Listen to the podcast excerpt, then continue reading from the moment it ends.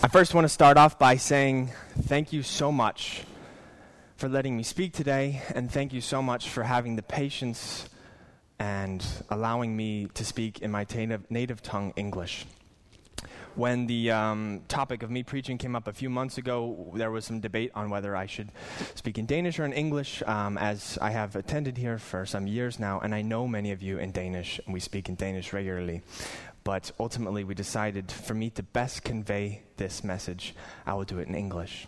So, um, as you have already found, there is a table or two where some are helping with translation. And thank you for that. Before I get into anything, I'd like to open in prayer. Dear Heavenly Father, thank you that we could all come here today and worship you.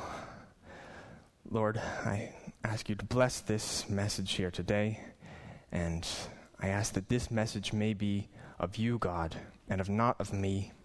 That this message may not be just my hobby, prerogative thing, but instead that I might be a vehicle to spread your truth.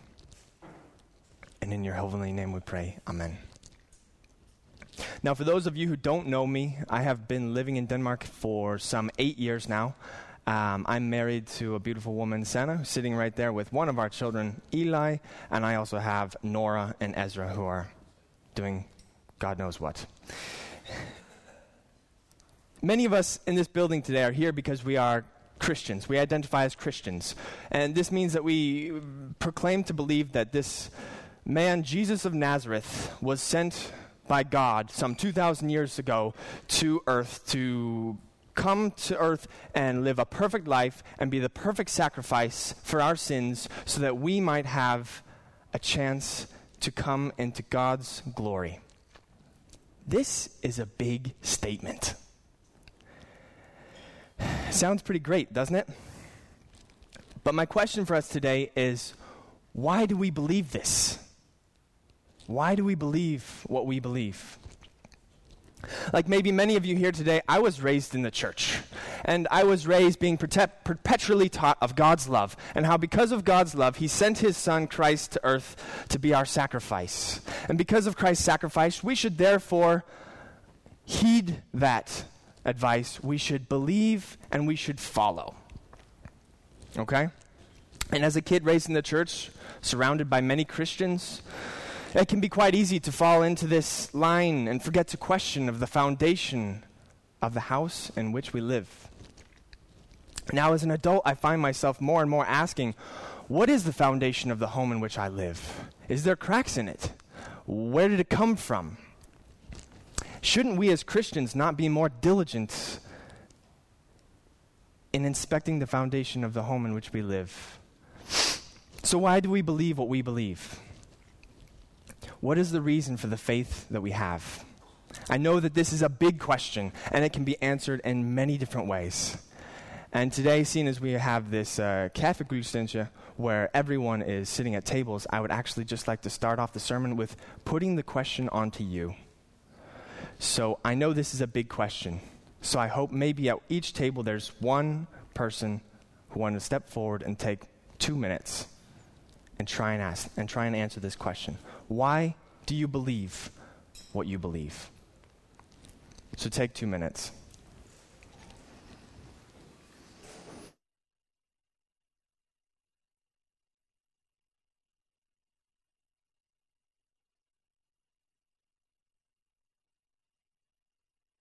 Uh, wrap it up, and I'll say welcome back. I hope you're all able to discuss a bit and maybe share some of the reasons or testimony that you have in your life for that you find support your faith. And now, if I might guess, there's a good chance that many of your reasons for believing what you believe were feelings based. Perhaps your reasonings were, I feel God's presence in my life. Or maybe you pointed out how you can see the fruits of His blessings in your life. And let me be adamant in saying that these are not bad answers, these are great answers to why do we believe what we believe. And they can very well be true. But I must also point out that when we ask the same question, why do you believe what you believe, to that of a Muslim, a Mormon, a Jehovah's Witness, those who have fundamental theological differences with us, their answers are also most often going to be along the same lines of because I feel God's presence in my life, or I have seen the fruits of his labor in my faith. So this begs the question what sets us apart? How can we take the extra step into challenging our own faith and examining the foundation of the home of which we live in? Or perhaps you're sitting here today struggling with doubt. Deep down on the inside, you don't even know if you believe all this or if it's just a load of hogwash. And if that is you, then I will plead with you don't hide from your doubt. Face it head on and bring it into the light of day. In the church, I think that there can be an inherent fear for people dealing with doubt. They fear what if I were to express my doubt? I might be, I might be uh, seen as an outcast by the group in which I call my own. And this brings me to today's core ma- pa- passage, 2 Timothy 2:15. Do your best to present yourself to God as one approved, a worker who does not need to be ashamed and who correctly handles the word of truth. A good workman is one who does his work with great care and diligence. Now, this passage can apply to several things within our Christian walk. But for today's message, we are applying it to the question of why do we believe what we believe? And more specifically, today, we are examining the importance of investigating and even discovering our faith on a level that we rarely talk about in church, a level that is tangible, a level, level that is concrete, a level that is not just in our hearts, but also in our heads. For if our faith is only in our hearts, then we run the risk of living our life in a way that reflects a smaller amount of faith. And ultimately, we can become a passive and ineffective tool for God's kingdom. I'm speaking from experience. We want to go from a place that is not just, I believe this in my heart, but also to a place that is, I believe this in my heart and I know this with my head. We want not only to find God, but also worship God with our mind and the handling of truth. Mark 12, 30 tells us, Love the Lord your God with all your heart, with all your soul, and with all your mind, and with all your strength. Many, is, many of us are quite used to loving God with our heart or our soul through things like service of others, corporate worship, or volunteering. Yet, loving God with our mind is often one that gets sort of overlooked in this ma- passage. Much like we might sit at the dinner table or go on a date with our spouse or talk to our kids after school, we ask them about their day. We ask our spouse about uh, their childhood, their future plans, their dreams, because we want to know everything about them. Those who we love, we want to know more about. And when we know more about them, we draw closer to them. Just as we should be striving to know God. So, again, why do we believe what we believe?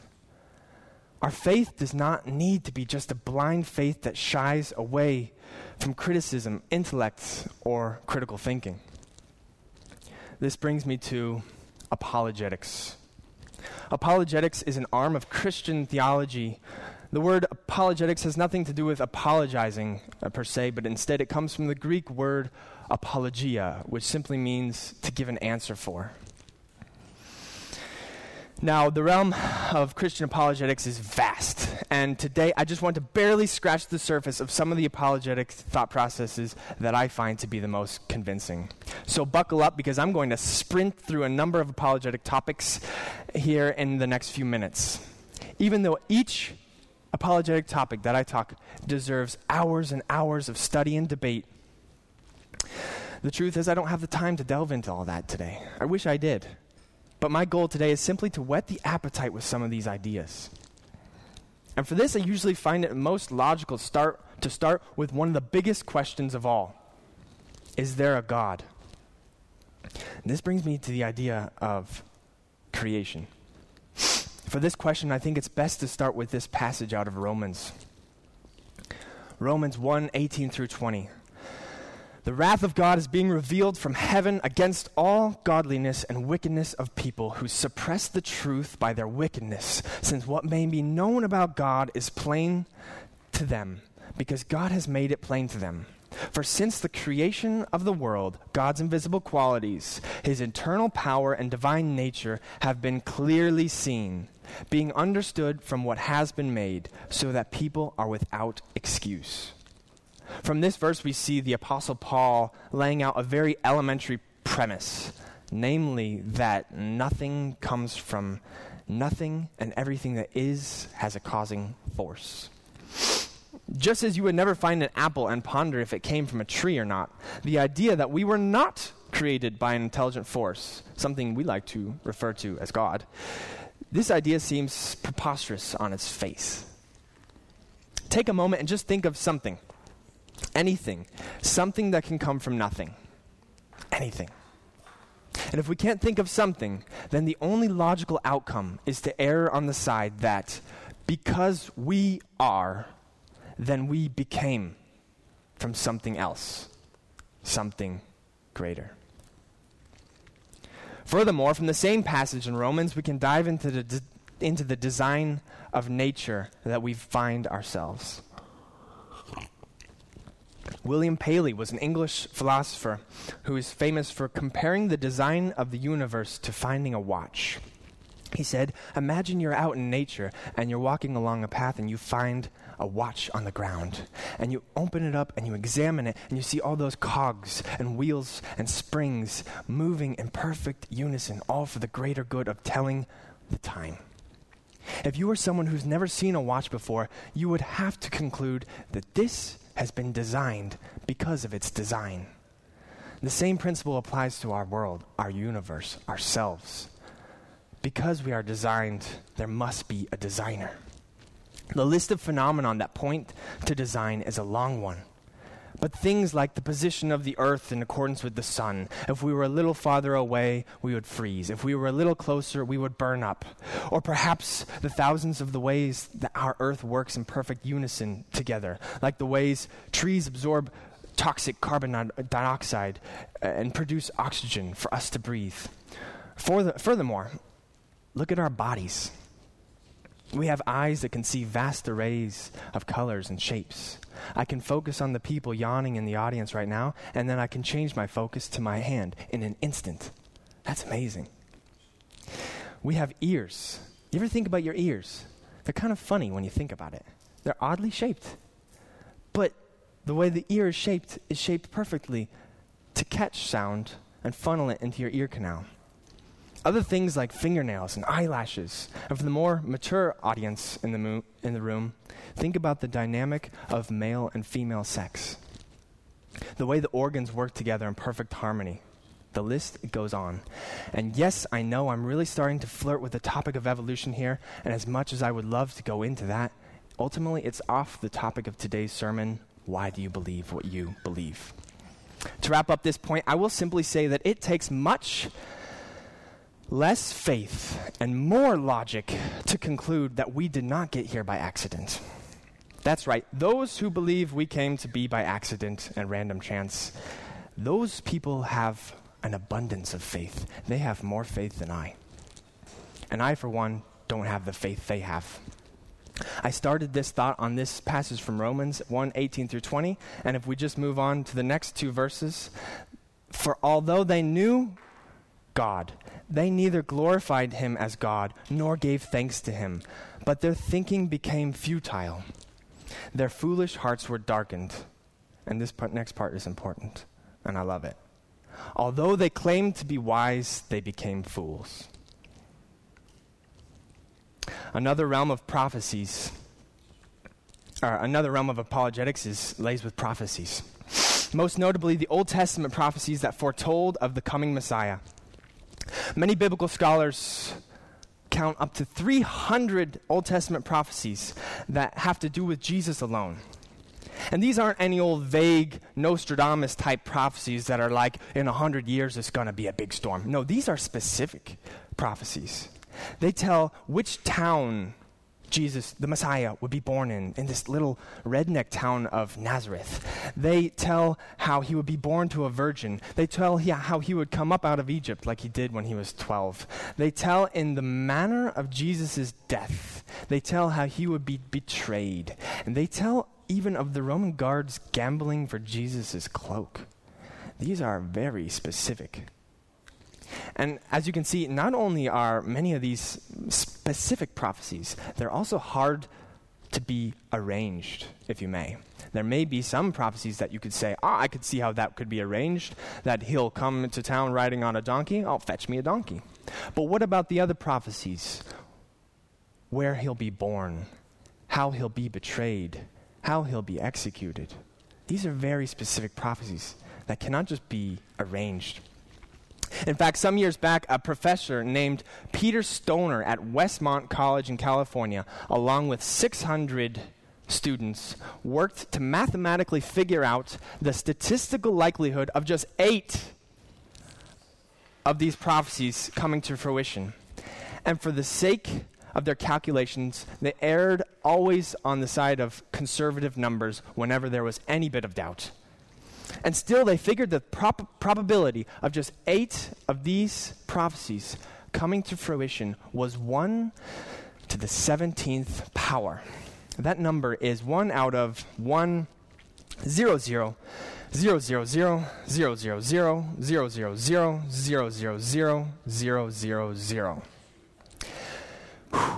And to put that into perspective, Mr. Stoner illustrated that that number would be the same as if we took the state of Texas. And now I know I'm preaching to a European audience, so I found out that the state of Texas uh, is actually quite comparable to the country of France.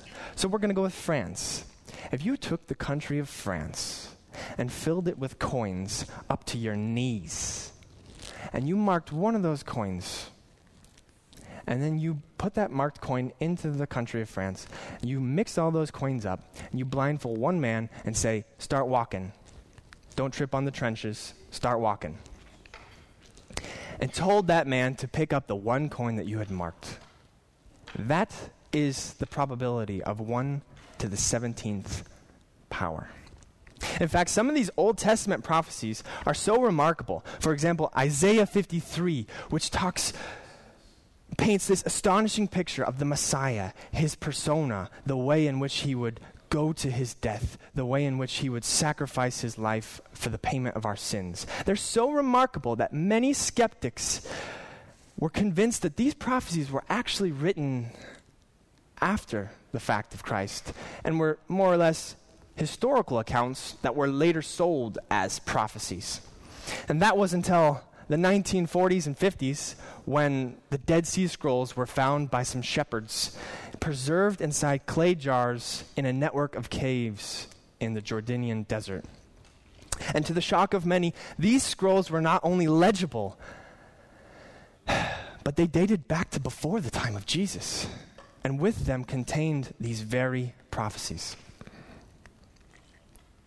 The Dead Sea Scrolls leads me to yet another apologetic principle, and that is the accuracy of the Bible. One common objection to the Bible is that it has been handed down, translated, twisted, molested, and changed from its original meaning. Yet, once the Dead Sea Scrolls were found, we were able to compare them with our modern versions of the Old Testament scripts and see the accuracy was astonishing.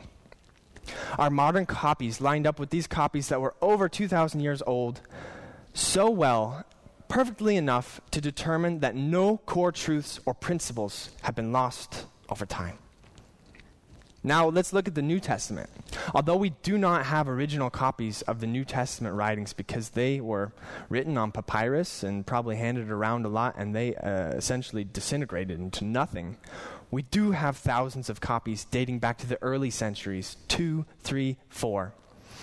Copies that were being spread throughout the, wo- out the known world.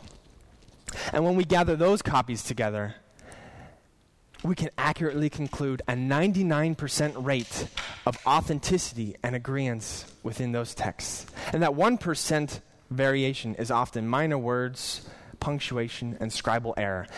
And even if we agreed to throw out that 1% altogether, we wouldn't lose any of the core principles of our faith, we wouldn't lose any principles of the gospel. So, not only is the Bible an amazing text that can be trusted for its literate accuracy, but it's also an amazing book for general reasons of compatibility. The Bible was written over the course of 1,500 years by approximately 40 different authors on three different continents in multiple different languages, yet, time and time again, the Bible corroborates itself without contradiction. Maybe some of you have seen this illustration, but this is a chart that depicts all the books of the Bible. It's a little hard to see up there, but I think you get the idea. It's better on the back.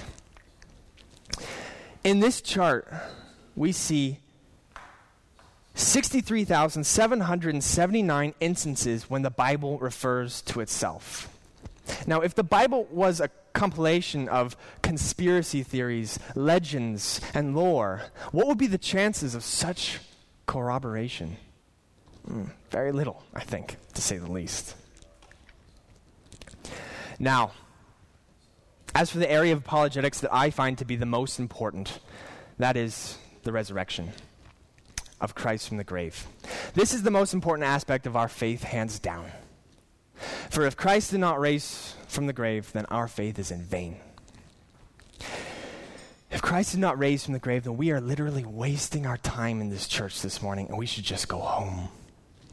I don't know about you, but you would not find me in a church building on Sunday mornings just to hear some cozy message about loving your neighbor and getting a free cup of coffee afterwards if I didn't really believe this. If I didn't really believe that Christ rose from the grave. So, what are some practical reasons to believe this? Well, let's start with who found him. The Bible tells us that the first to find Jesus had rose from the grave were Mary Magdalene, Jesus' mother Mary, and other women.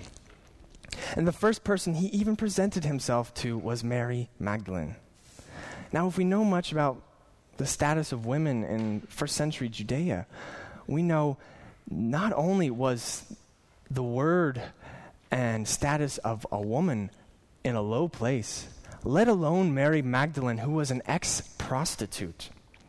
I say this to say that if the resurrection event was simply a false fantasization, then not only would it have been the worst story to try and sell that Jesus first presents himself to women, but it would have been a terrible story to say that he pre- presented himself to an ex prostitute. So if this was false, it would have been a terrible lie. Next, we see Jesus presenting himself to his apostles.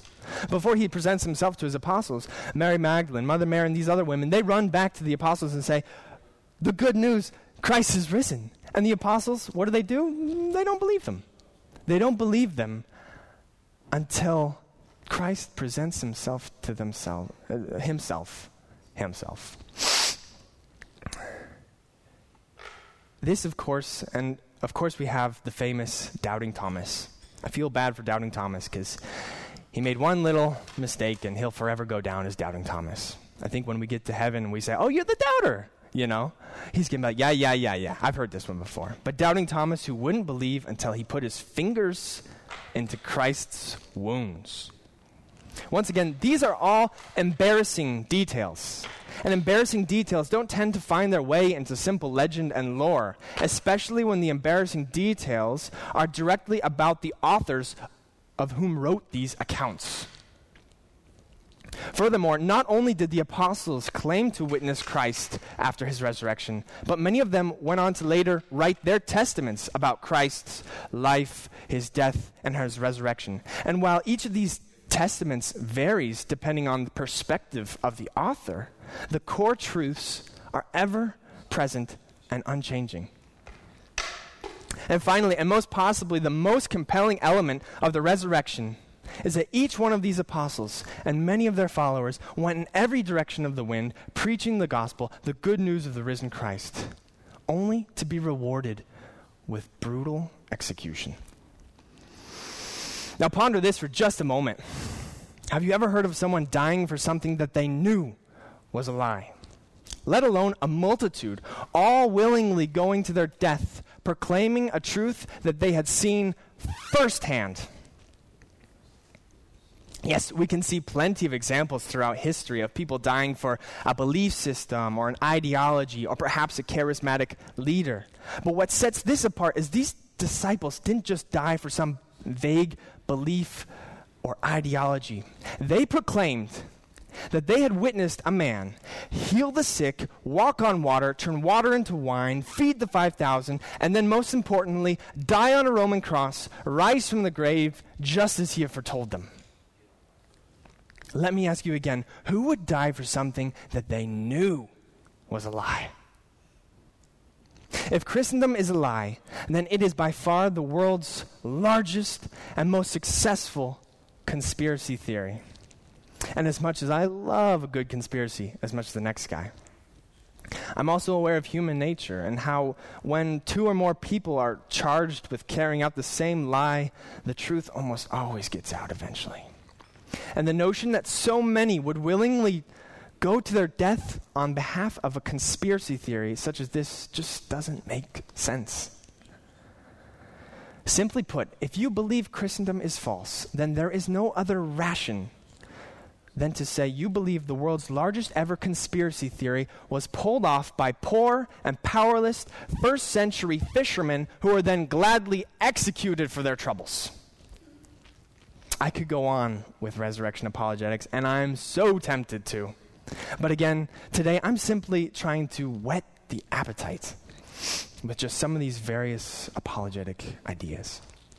And hopefully, you will find interest in one or more of the topics for yourself. Some of the topics are m- more compelling, less compelling.